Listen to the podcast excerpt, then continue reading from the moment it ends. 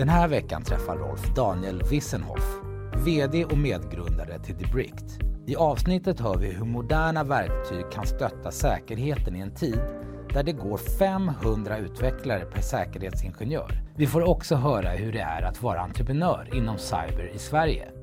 Hej och välkomna till ännu ett eh, sommaravsnitt av Cybertalks. Eh, den här veckan så har jag med mig Daniel Wiesenhoff från ett eh, bolag som heter Debrict som jag är lite nyfiken på. Välkommen! Tack så mycket! Du, vi har ju inte riktigt eh, träffats eh, och speciellt inte i dessa coronatider är det ju ännu svårare. Men, men eh, bolaget är jag ju lite nyfiken på och haft på radarn ett litet tag. Eh, och det ska vi säkert komma till också. Men jag är ju också lite nyfiken på dig så, och för lyssnarnas skull kanske vi ska börja med en kort introduktion till dig och eh, hur det kom sig att du egentligen blev intresserad av cyber. Mm, absolut. Och min historia kan man verkligen backa bandet rätt mycket. Så att min historia började väl någonstans när jag var runt 12 år gammal. Det är så att jag, jag växte upp i en liksom, företagarfamilj med, med, med stor betoning på familjeföretag, så ett ganska litet bolag. Eh, där jag egentligen från barnsben fick möjligheten att se liksom, eh, hur ett företag funkar, orderläggning och kunder och så. Ehm, och, och samtidigt hade jag också ett väldigt tekniskt intresse och det har ju någonstans styrt mig eh, genom hela livet. Och Eh, vad som hände var väl att jag byggde min första dator runt 12-13 års ålder. Eh, och så småningom så byggde jag också datorer till kompisar och vänner och så. Och eh, där lärde jag också känna en av mina medgrundare som jag har idag, nämligen Oskar. Han var ju precis som jag också intresserad av datorer, men har alltid varit en så att säga mer, ännu mer tekniska tekniker än vad jag är. Och jag brukar skoja att det är väl, det är väl därför som jag är VD och han är CTO idag. Va? Ehm, och vi pluggade också på gymnasiet tillsammans, teknik. Och där började vi bland annat skriva lite så recensioner av datorprylar, tänk grafikkort, processorer och liknande. Och jag fick faktiskt möjligheten att ta över en av Sveriges största tech-communities på den tiden, alltså online-medier, eh, hette techsweden.org. Jag vet inte om några kanske lyssnar här känner till Sweclockers, men vi var ju en konkurrent till dem på den tiden. Och det höll vi på med i några år eh, och det var jätteskoj då. Eh, och jobba med AMD, Intel och alla möjliga häftiga varumärken och testa då allt mellan himmel och jord egentligen. Eh, mycket kopplat till gaming. Men med det sagt så var det ju inte kanske sådär jättemycket pengar i det. Va? Det var ju annonsdrivet och man försökte ha ett community. Eh, så att eh, vi beslutade oss för att sälja det här egentligen till en konkurrent och, och sen gick vi vidare och då började jag plugga industriell ekonomi i Lund. Och det är egentligen så man kommer in på Debrick som företag. Jag under pluggets gång jobbar väl lite grann med så försäljning och marknadsföring och sånt och liksom så att komplettera upp min tekniska sida så att säga. Och, och någonstans under min master, alltså sista årskurs 4-5 där, så kom jag i kontakt med eh, Martin Hell. Och, och, han är ju då också medgrundare till Debricked idag, men då, då, visste jag ju inte det så att säga. Eh, och vad som hände var väl att jag blev lite grann inrekommenderad eller tipsad om att söka mig till ett forskningsprojekt som skulle starta vid eh, institutionen för elektroinformationsteknik. Och det här forskningsprojektet var det då Martin Hell som hade kommit på idén på. Och tanken var väl egentligen att vi skulle eh, undersöka hur, hur kan stora enterprisebolag arbeta med open source på olika sätt. Eh, och framförallt då med fokus på eh, riskerna kring open source och liksom då med superspecialiserad fokus på just sårbarhet i open source och att man eventuellt kan eh, råka hämta med sig sårbarheter till sin egna liksom, kodbas när man jobbar med open source helt enkelt. Ehm, och detta skedde runt 2015 ehm, och vi var väl 20-25 personer inblandade i detta här. Ehm, bland annat eh, Ericsson och Axis var också med på ett hörn. Swedish Institute of Computer Science, eh, RISE, eh, datavetenskap på LTH. Så det är ett ganska stort projekt och vi tittar på rätt många aspekter av detta här. Och, det för oss egentligen då till liksom bolaget i sig självt. För att det vi kände var väl att då där 2016-2017, det finns ett antal begränsade, ganska så, ska man säga, amerikanska lösningar på detta här. det vill säga väldigt dyra verktyg, folk som flyger in med kostymen och portföljen i handen och ska sälja väldigt, väldigt dyra verktyg som kanske inte har den bästa användarvänligheten och så. Va? Eh, så det, när vi liksom började hitta det så insåg vi att här finns nog lite plats för innovation. Eh, och både hur man tänker kring liksom moderna säkerhetsverktyg men också hur man hanterar data som vi kanske kan gå in på lite djupare sen. Ehm, men med sagt och gjort så 2018, eh, tidigt eh, på våren där, eh, kom vi i kontakt med LU Holding som är ju då Lunds universitets egna lilla riskkapitalbolag. Och vi pratade med dem och kom överens om att ja, men det här kan nog bli någonting och då satte vi oss ner och skapade det här bolaget. Och då var det alltså då jag, Martin från universitetet, men också då Oskar, min gamla vapendragare från de här Tech Sweden-tiderna när vi byggde datorer tillsammans. Eh, så då startade vi egentligen upp det då där, eh, tidig vår 2018, precis, precis. Just det. Och om vi försöker framea lite grann då, eh, så att säga, vad är det som ni såg som en, en möjlighet för in, innovation eh, så, på en marknad som kanske då i, i huvudsak eh, sköttes av, av de här eh, lite större dyra lösningarna. Kan vi försöka zooma in och ge en kort beskrivning av så vad är det ni gör? Var i består innovationen eh, kan man säga? Just det. Ehm, så att det finns väl några områden man kan prata om här. Ehm, men ett är väl kopplat till data egentligen, hur vi tänker kring det. Så att eh, alla våra konkurrenter, så vitt vi vet, någon får gärna rätta oss om vi har fel, men eh, alla liksom är beroende i något fas av en manuell analys eller manuell handpåläggning i datan man hittar. Eh, så, så hur det går till egentligen är att vi och våra konkurrenter då, vi, vi tittar på nätet i en mängd olika datakällor, kanske den mest kända är då National Vulnerability Database. Och, och, vi samlar då på oss information kring sårbarheter, processerar denna, jämför, eh, kurerar och liksom försöker få den till, till, till att bli riktigt bra. Eh, sen ska vi då mappa det här mot kundens kodbas och, och sist men inte minst ska vi föreslå en lösning på problemet. Och det vi, som, det vi hade som hypotes var att man kan och bör automatisera den här processen en till en helt och hållet. Eh, och det är någonting som vi har liksom jobbat hårt med och något som vi inte trodde funkade för ungefär ett år sedan. Ehm, men då har vi alltså lyckats med det hela vägen och har numera liksom allt mer växande patentportfölj på området också. Eh, och detta gör ju att vi idag hittar fler sårbarheter eh, till likvärdig precision som våra konkurrenter. Men framförallt handlar det om att vi får en helt annan kostnadsbild och skalning som bolag. Vi är ju 20-25 personer som kan liksom konkurrera med bolag som har 200-300 anställda i form av datakvalitet. Och det är ju då endast tack vare eh, våra då ganska finurliga algoritmer som vi har eh, kommit fram till. Då. Eh, och ett annat område som också är väldigt viktigt, eh, det fick vi höra om väldigt tidigt i projektet, var väl det här att eh, det bästa säkerhetsverktyget är det som faktiskt används. Och i vårt fall när man pratar om mjukvarusäkerhet så handlar det om att det ska vara verktyg som inte är specialbyggda för en alltså säkerhetsingenjör utan ett verktyg som en utvecklare som kanske precis har slutat plugga på universitetet och tagit sitt första jobb. Även en sån person ska kunna se resultatet, förstå det och veta vad man ska göra. Och det har också varit en stor ledstjärna i hur vi har utvecklat vår produkt. Så att, eh, nu kan jag inte kanske visa här på en podd, men det, är, det ser ut som vilket modernt verktyg som helst år 2020. Eh, det är ju modernt UI och enkelt att använda och det är liksom en stor ledstjärna i utvecklingen. Men jag tror att du är inne på några viktiga saker eh, och om jag så att säga backar upp det lite grann för kontextens skull kanske så om, om jag tittar på eh, vad händer där ute? Hur jobbar både stora och mellanstora och en del mindre företag? Hur jobbar man privat och offentlig sektor med eh, liksom, hur driver säkerhetscheferna sina säkerhetsprogram? Och man har kanske historiskt sett jobbat med den mer traditionella IT-säkerheten kring liksom, brandväggar, antivirus och de, de där sakerna. Och sen har man jobbat mer med, med efterhand med, med detect och respond det vill säga upptäcka anomalier och så vidare.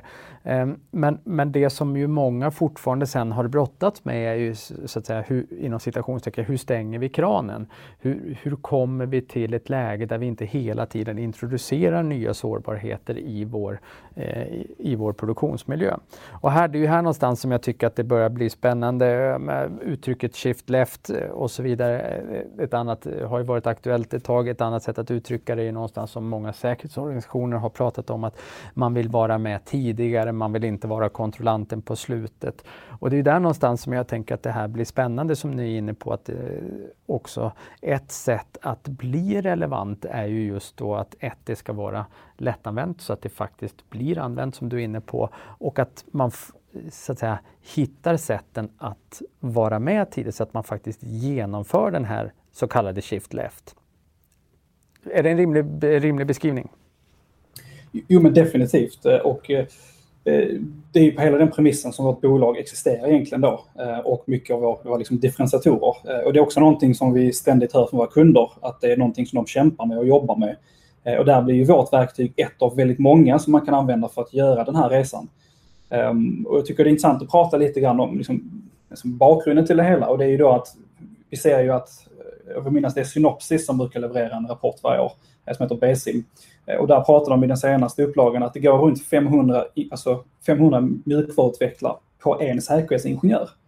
Mm. Och det beskriver någonstans problematiken i sin kärna att man kan inte låta en säkerhetsingenjör ensam ta ett ansvar för en enorm kodbas som kanske skapas av flera hundra personer, utan detta måste ju flyttas tidigare i utvecklingsprocessen. Eh, och mycket kopplat till detta är ju också eh, alltså kostnaden, ska man säga, kostnaden kopplad till att hitta sårbarheter. Det är ju rätt känt inom kvalitetstänk och supply chain och allt möjligt att Eh, ju, ju senare man upptäcker ett problem desto dyrare blir det. Och, och, i värsta fall upptäcker man ett problem så pass sent att en attack har skett och då blir man varsle om att det har hänt någonting. Så att genom att flytta det tidigare och flytta det till mjukvaruutvecklarna så får man liksom lite mer autonomi på den lägre nivån då så att säga, eh, eller lägre, tidigare nivån eh, i utvecklingspipelinen. Och det är också någonting om man tittar på, eh, kanske tittar över andra sidan Atlanten, så i USA när man tittar på Netflix, eh, Facebook och alla andra så pratar de ju mycket om att varje utvecklingsteam ska fungera som en autonom enhet där man både designar, skriver, testar eh, och deployar all sin kod. Och det hänger ju då på att utvecklarna själva ska kunna hantera säkerhet också, som ändå traditionellt har kanske varit mer en central funktion på, på, i en mjukvaruutvecklingsorganisation. Eh, så det är ett väldigt intressant perspektiv som eh, vi på Debrict åtminstone definitivt håller med om att vi ser och att många rör sig dit. Nej, men, och det var väl kanske också en av anledningarna till att jag tyckte det var spännande att eh, bjuda in dig och, och, och, eh, göra ett avsnitt kring de här frågorna. Därför att det är precis som du beskriver. Min uppfattning är ju att många eh, har ju anträtt liksom en, en linagil ehm, eh, resa sedan ett litet tag tillbaks. Många är mitt uppe i det. Ehm, och det ger ju, när man är en bit in på den resan, det ger ju den här autonomiteten som man ju också är ute efter. Det är den man vill skapa, vilket också ställer krav på att man behöver göra säkerhet på ett annat sätt. Det kommer inte finnas de där tydliga tollgatesen i slutet där man får komma in och göra sin grej. Utan man måste vara med i processen. Och som du är inne på, vilket jag tycker är en väldigt alltså spännande fakta att lyfta fram det här med 500 utvecklare per säkerhetsingenjör och så vidare. Så bara den gör ju att man faktiskt måste lösa problemet om man säger, eller utmaningen på ett annat sätt. Och det är väl det som det här är med och bidrar till, tänker jag. Mm, mm, absolut, absolut. Eh, med det sagt kanske jag kan flika in med att det, det finns samtidigt det finns ju nackdelar med allt, så nu har vi bara pratat om varför det skulle vara bra att flytta det tidigare. Eh, men den stora nackdelen egentligen med Shift Left och DevSecOps och allt vad det heter, eh, det är egentligen att ska man säga, specificiteten försvinner lite grann. Man får ju högre och högre noise ju tidigare i byggprocessen du ligger. Så att, så att vi fokuserar ju då på liksom den delen av din kod som är open source. Men det finns ju då klassiskt verktyg som alltså statisk kodanalys, dynamisk kodanalys, interaktiv kodanalys i eh, fuzz-testing och, och en himlans massa annat. Eh, och, och, skillnaden, liksom, om man jämför med att göra ett pentest, då har du ju någonstans bevisat att det, det är ett faktiskt problem. Du har kanske gjort en proof concept på en attack med det i din pentesting och då är det ju väldigt påtagligt att det är ett riktigt problem. Eh, och med det sagt kanske du bara hittar 5-10 säkerhetshål för att du har inte tid att lägga liksom, ett halvår på att pentesta alla liksom, delar av tjänsten alltid. Eh, Medan för tidigare utvecklingsprocessen med SAST, DAST, IAST och det vi, det vi håller på med, då blir ju kampen blir ju mot att minska noise hela tiden och, och, och få, fram en, alltså få fram de viktigaste sårbarheterna. Um, och det är ju helt klart en utmaning då som fungerar som en, mot, Liksom en motsatt kraft mot den här processen. För att alla kunder vi då stöter på och håller ju såklart med om att shiftlift är jättebra. Men nästan alltid den andra frågan som kommer är ju då, eh, men hur är det med noise? Hur, mycket så att säga, skräp kommer ni att hitta hur mycket kommer att vara riktig data som vi kan agera på? Och Precis, och det är väl som med det mesta att man måste hitta en balans då. Ehm, eh, och, eh, vad tror du är då liksom, hur ska man tänka som säkerhetschef? Vad är den rätta balansen? Hur mycket av min effort ska jag lägga liksom, eh, långt till vänster eh, och hur mycket ska jag så att säga, hålla fast i mitt kanske mer traditionella pentestprogram? Och, och, och hur hittar man den där balansen? Just det, det är ju en the million dollar question så att säga. som alla undrar över. Och det är därför jag frågar den. Precis. Eh, men med det sagt så är det ju att, eller, jag skulle säga så här, alltså, det är rätt kul för att vi har ett intressant perspektiv. Att vi har ju börjat som en startup själva och har börjat vår resa med att sälja till andra startups för att tidigt få feedback. Och sen har vi rört oss till större och större organisationer och nu liksom har vi siktet inställt på kanske väldigt stora organisationer. Så det är kul att se hur man tänker i olika livscykelfaser som företag, så skulle jag nästan säga. Eh, och det som jag slås av då är att många när man är ett litet bolag eller kanske inte har jobbat så mycket med säkerhet är att man börjar med den då, så att säga, lägst hängande frukten och det är ju ofta pentest. Eller till och med då automatiserade pentestverktyg. Eh, nu vet jag inte om jag får nämna några här. Eh, är det okej? Okay? Ja. Absolut, som vi har ju till exempel verktyg som Detectify och Burp Suite och, och, annat som man kan då använda för att scanna sin mjukvara. Eh, och det vi ser är att många börjar just där för att då vet de att noisen blir ganska låg och det de hittar, ja, i någon mening måste det vara på riktigt för att ja, de här verktygen har generellt sett en ganska bra eh, som noise till eh, signal ratio så att säga. Eh, med det sagt så inser man ju då också att okay, när man hittat någonting här eh, sent i processen och nu måste man ju då liksom lite grann reverse engineera, backtracka, vem i teamet är det som är ansvarig för exakt den här, det här formuläret på vår webbapp till exempel, eller i vår mobilapp, vem är ansvarig för dessa funktionerna? Eh, och det är då man ser att den här processen sakta börjar krypa tidigare i, i liksom utvecklingsprocessen. Att de här säkerhetsingenjörerna som anställdes kanske för att börja med det mest eh, enkla, liksom att ett pentest, hyr in en konsult, börjar liksom jobba sig uppströms mot där koden skapades. Och det är någonstans där också man ser att igen, folk då får upp ögonen för att okej, okay, men vad händer om vi hade testat det här lite tidigare? Hur mycket tid sparar vi? Och, och här är det väl upp till varje organisation och deras egna liksom, ska säga, skyddsvärdighet på datan de sitter på att dra den, göra den bedömningen.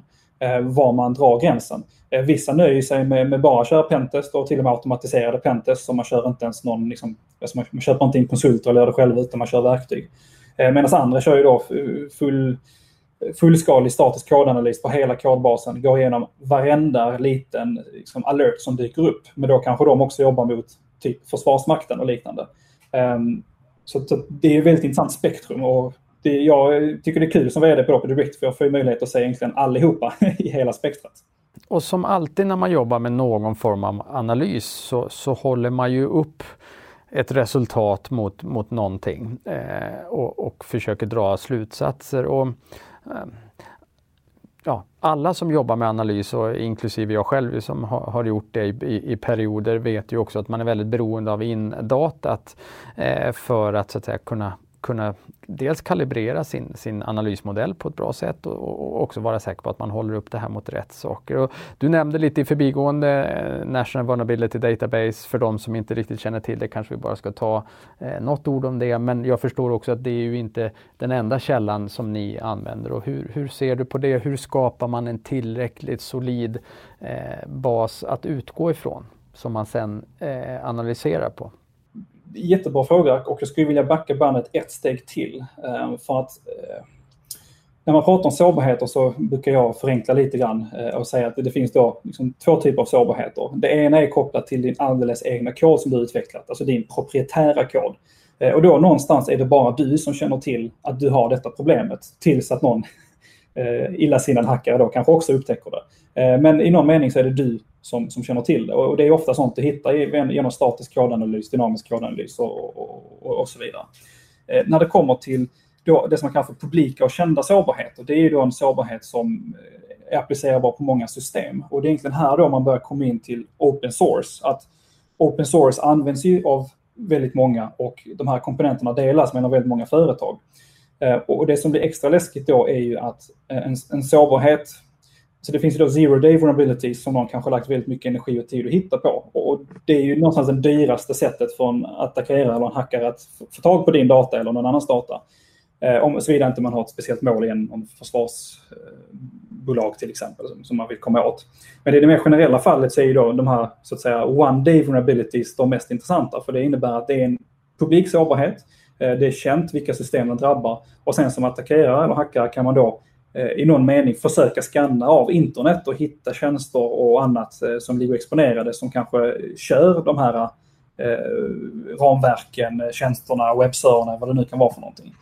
Och, för att komma till din fråga vad NVD är, National Vulnerability Database, det är väl nog då den mest kända databasen för publika sårbarheter som, som, som läggs upp av forskare världen runt och, och liksom communities i hela världen. Och den underhålls egentligen då av amerikanska staten och NIST, National Institute for Science and Technology. Um, och, och, den är väl i storleksordningen 120-130 000 sårbarheter tror jag, indexerat indexerad till en up to date ungefär. Och om man då går vidare, liksom sa då, hur, hur vet man att man, man har bra saker? Ehm, då får jag nu zooma in på Debrict för jag kan inte tala för eh, de andra typerna av verktyg. Eh, men vi på Debrict, vi, vi tar ju då som, som säger NVD och vi tittar också på specifika security advisories, till exempel har vissa språk. Eh, JavaScript har NPM, PHP eh, har Friends of PHP. Det finns liksom olika så att säga, nischade databaser där man då lägger upp den här typen av eh, information. Ett annat projekt som vi gör är att vi tittar på det som vi kallar för issue vulnerabilities. Eh, och med issue då menar vi typ ärenden, alltså så ärendesårbarheter. Eh, och det vi har gjort är att vi har tittat på GitHub där man då eh, lagrar den största mängden open source som finns på jorden. Eh, och där ser vi att eh, ungefär 90 procent av alla sårbarheter som upptäcks i specifikt JavaScript, de dyker aldrig upp i de här stora sårbarhet, eh, sårbarhetsdatabaserna, typ NVD. Eh, och anledningen till det är igen att man har väldigt snabba release-cykler. Du har kanske en, eh, någon person som engagerar sig frivilligt i ett open source-projekt, hittar ett problem, beskriver det lite kort, men löser det dagen efter. Då väljer man inte att göra det till en sårbarhet som dyker upp på NVD, för det är liksom redan löst. Men du som kanske använder den här komponenten, det känner inte du till och du kanske sitter med versionen som är sårbar.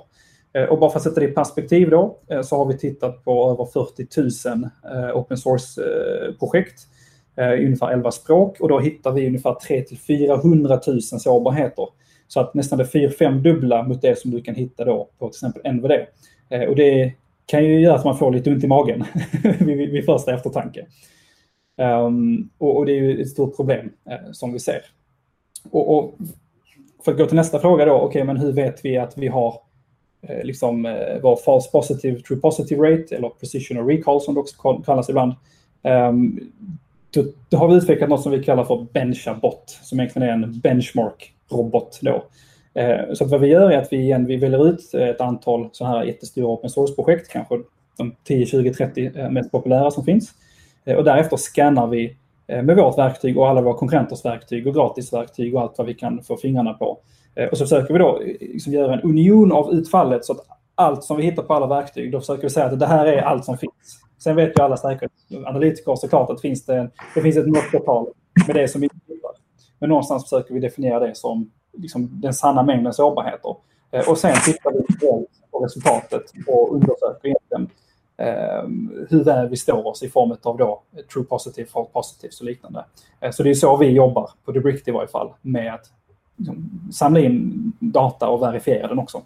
Eh, nej, för det tror jag är en, det, det, i sig och det som du har berättat om här, det är ju en viktig kunskap att eh, också när man, när man tittar på den här problematiken om man har säkerhetschefshatten på sig att säga att okej, okay, vi måste in tidigare i processen, eh, utveckla teamen, jobba linagilt, eh, mer autonomi. Hur introducerar jag mig och liksom det ansvar som jag har i, tydligare i utvecklingsprocessen.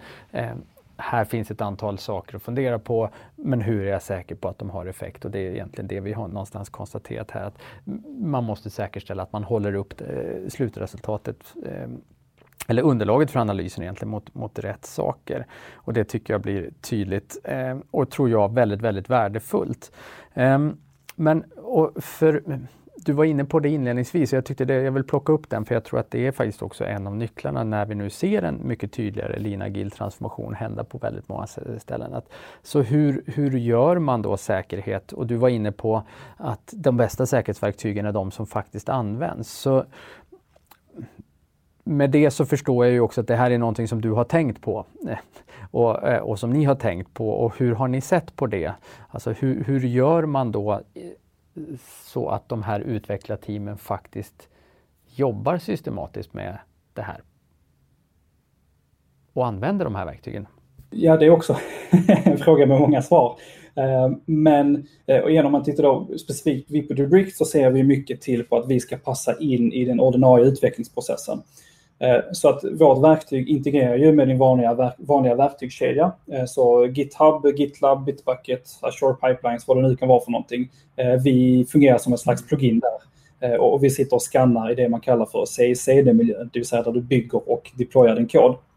Och vad vi gör är att vi, skannar då källkoden och, hittar problemen och, sen visualiserar vi dem direkt i CICD-pipelinen. Och, för de som kanske inte är så tekniska så Eh, motsvarigheten av att spara ett dokument, eh, som att klicka Save As på i Word, det är ju att man gör en commit eller en push då i, i sin CICD-miljö eh, och sin Source Code Manager. Och där ligger vi som ett test och där vi sitter och skannar koden hela, hela tiden. Eh, så att vi har ju kunder som skannar alltså flera hundra, om inte tusen gånger per dag för de är så många utvecklare och alla sitter och sparar kod hela tiden. Och eftersom vi ligger där så tidigt så att en utvecklare kan liksom under förmiddagen sitta och programmera och sen innan lunch Eh, klickar utvecklaren då spara. Eh, och efter lunchen kommer utvecklaren tillbaka och då har vi och andra testverktyg svarat med ett resultat. Att eh, men Debrict har hittat två potentiella sårbarheter i din kod. Och det, dessa notifikationerna ger vi då direkt i den vanliga miljön där man jobbar som utvecklare. Och dessutom skapar vi också i många fall ärenden som läggs i dina vanliga ärendehanteringssystem där du igen har din backlog, din utveckling och liknande. Eh, och hela tanken sen är väl då, det som är utmaningen, det är då den här bryggan mellan de här, alltså bryggan mellan där utvecklaren sitter i vanliga fall och sen vårt verktyg. För att vi kan ju bara visa så mycket information eh, i en notifikation utan sen måste det finnas en länk till vårt verktyg där utvecklare kan få mer information. Eh, och det är den här liksom bryggan som vi jobbar mycket med och sen vilken information vi visar. Eh, vi försöker också ta fram en, eh, en triarprocess i verktyget som kan hjälpa mindre säkerhetskunniga utvecklare att, att förstå vilka steg i processen måste man göra. Um, och detta är ändå specifikt för Debrict, men pratar man allmänt så är det också mycket med utbildning. Um, att lära utvecklarna förstå säkerhet och liknande. Det ser vi som en av de stora utmaningarna eh, bolagen vi jobbar med ser. Att verktyg är en del i ekvationen som ska vara bra.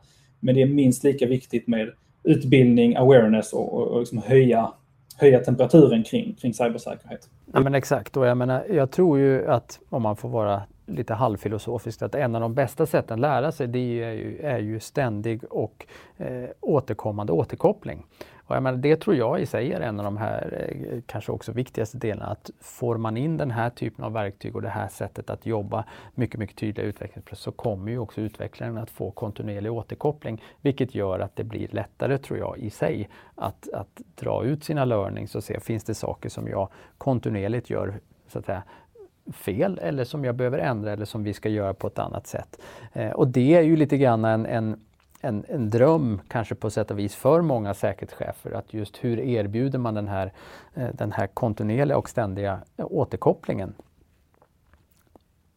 Och det har ju varit en utmaning på, på många sätt eh, och det tycker jag också är en av de spännande delarna med det här att här, här finns det ju faktiskt en möjlighet att, att få det på ett annat sätt. Du, nej, nej, ja. Fortsätt. Eh, en sak som jag tänkte på också, eh, som kan vara att nämna i, i sammanhanget, det är något som vi har så att säga, upptäckt också i våra kunddialoger. Eh, att just verktygen, ena halvan processer, utbildning och awareness är minst lika stort, om inte större. Eh, och vi har ju det fina att vi har ju en bakgrund från universitetet med, med en grundare som har liksom undervisat väldigt länge. Så en, ett steg som vi har tagit i vårt verktyg och, och kommer att ta ännu mer under resten av året är ju att vi håller på att bygga in nästan som små säkerhetskurser direkt in i verktyget. Så att när det finns till exempel svåra begrepp och, och sådär så ska man kunna igen få det på ett och samma ställe i ett verktyg till exempel. Eh, så det är också ett exempel på eh, att man kan prata hur mycket man vill om teknik och data, AI och vad det nu kan vara för någonting, men att ha en sån enkel sak som en liten video på tre minuter som förklarar ett begrepp kan göra väldigt, väldigt mycket eh, för slutanvändarna. Det tror jag. Absolut. Du, när jag, tiden går fort och nu när jag har dig här på tråden och eh, lyssnarna har säkert noterat att vi spelar in det här eh, faktiskt via Google Meet. Eh, eftersom du är baserad i Lund och eh, jag i Stockholm och med eh, dessa covid-19 eh, tider så kändes det helt enkelt mest relevant. Men när jag nu har dig här på tråden så vill jag också passa på att fråga lite grann kring entreprenörskapet och hur det är att vara entreprenör inom cyber i Sverige. Hur, hur har resan varit? Har det funnits stort intresse? Vad har varit lätt? Vad har varit svårt? Eh, alltså, intresset för området i, som cybersecurity är ju väldigt hett från väldigt många VC-bolag. Eh, utmaningen är väl att hitta ett VC-bolag som förstår vad vi gör tillräckligt bra för att kunna förstå våra utmaningar och kunna ge relevanta tips och råd. Eh, jag har kanske pratat med 40-50 VC-bolag för vår senaste finansieringsrunda och där vi då har valt att gå vidare med, med två stycken av dem. Eh, så, så det sätter ju någonstans i, i, perspektiv att det vi gör inom cybersecurity är ju inte alltid det enklaste att förstå. Eh, kanske både som, som kund till oss ibland och, och även då som investerare också. Eh, så det är ju riktigt viktigt.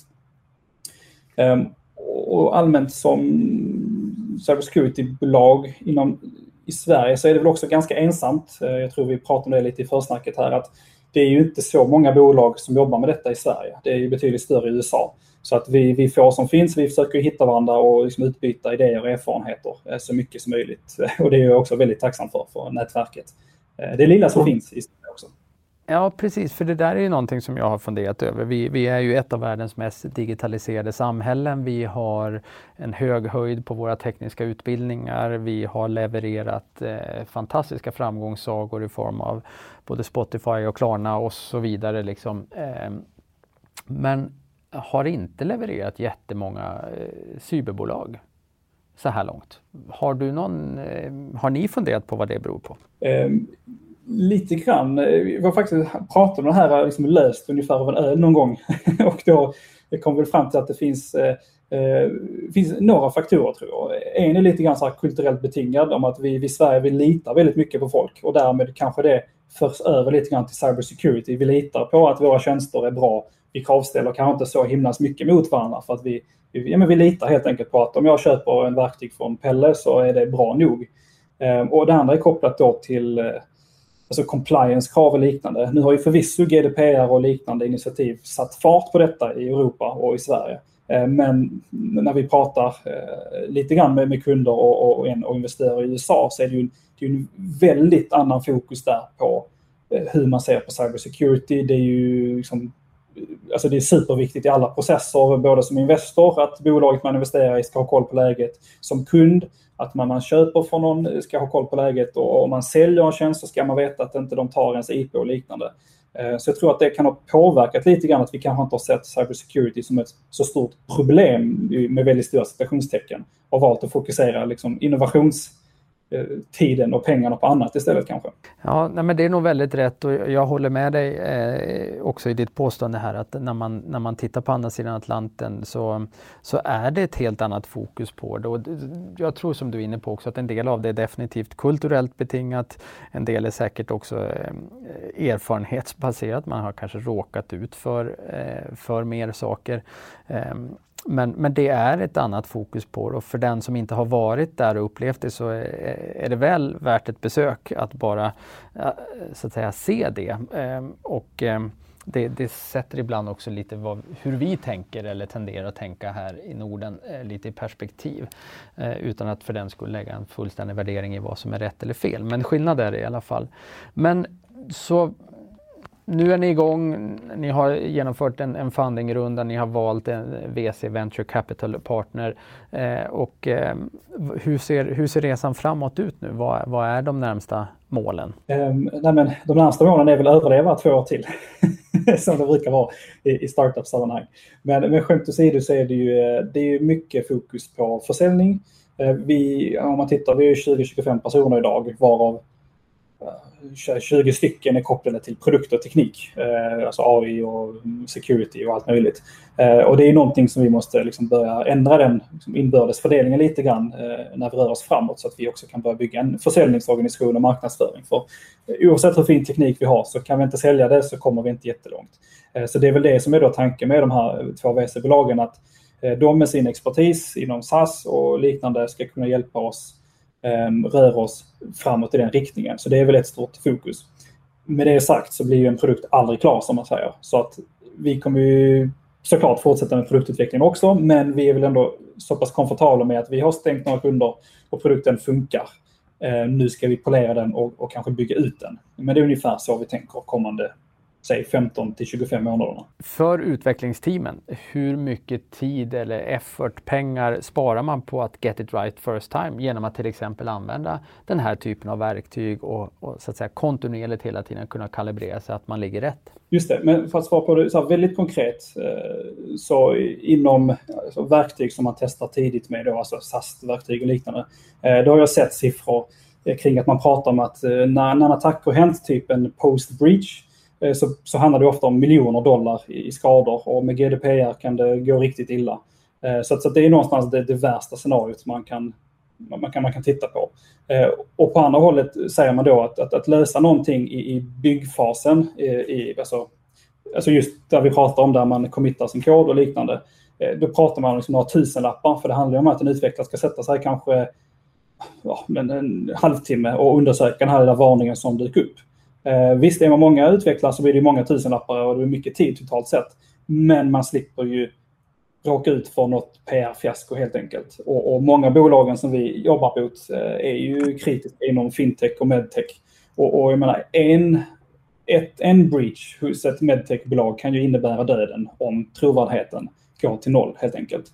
Så att det, det är någonstans den så här, högnivåanalysen som våra kunder gör tror jag. Det tycker jag låter väldigt klokt och högst rimligt. Så att budskapet är väl egentligen att om man som säkerhetschef inte har börjat fundera på hur man genomför sin shift left, för att använda det populära uttrycket, då, så är det kanske dags att, att göra det. Det finns både tid och pengar att spara, men, men också faktiskt en god möjlighet att ta ner sannolikheten eh, till en breach. Ehm, med det sagt så vi brukar också alltid avsluta med att be gästen komma med ett tips om en eh, bok, en film eller någonting annat som har antingen inspirerat eller informerat henne som man gärna vill dela med sig. Och ehm, jag hoppas att du har med dig någonting idag också till oss. Mm, ja, absolut. Och eh, det första jag tänker på det är min entreprenörsanda som lyser igenom och det är väl då boken Lean Startup att eh, jobbar man eller funderar man på att bli entreprenör eller jobbar nära produktutveckling och innovation så tycker jag att hela metodologin och filosofin bakom Lean Startup är fantastisk och en bok som alla borde läsa. Eh, det andra är väl mer kopplat till lite så här mer filosofi, data och vår oförmåga att tänka rationellt. Eh, det är då Nassim Talebs serie, bokserie där vi bland annat har böckerna Fooled by Randomness och en bok som också heter Black Swan som bland annat pratar om coronapandemin innan coronapandemin eh, skedde så att säga. Så väldigt intressanta böcker. Definitivt och eh, jag kan definitivt skriva under på Black Swan eh. Eh, spännande läsning och får oss att eh, ja, fundera över vår förmåga att ta till oss eh, information eller inte. Eh, superspännande. Du, det har varit jätteroligt att ha dig här, Daniel Wiesenhoff från The Break. stort tack för att du hade tid och lust att vara med här på Cybertalks. Tack så mycket och detsamma. Och till alla lyssnare, until next time. Podden är ett samarbete mellan Cyber Insights och Orange Cyber Defense och spelas in och klipps på Media.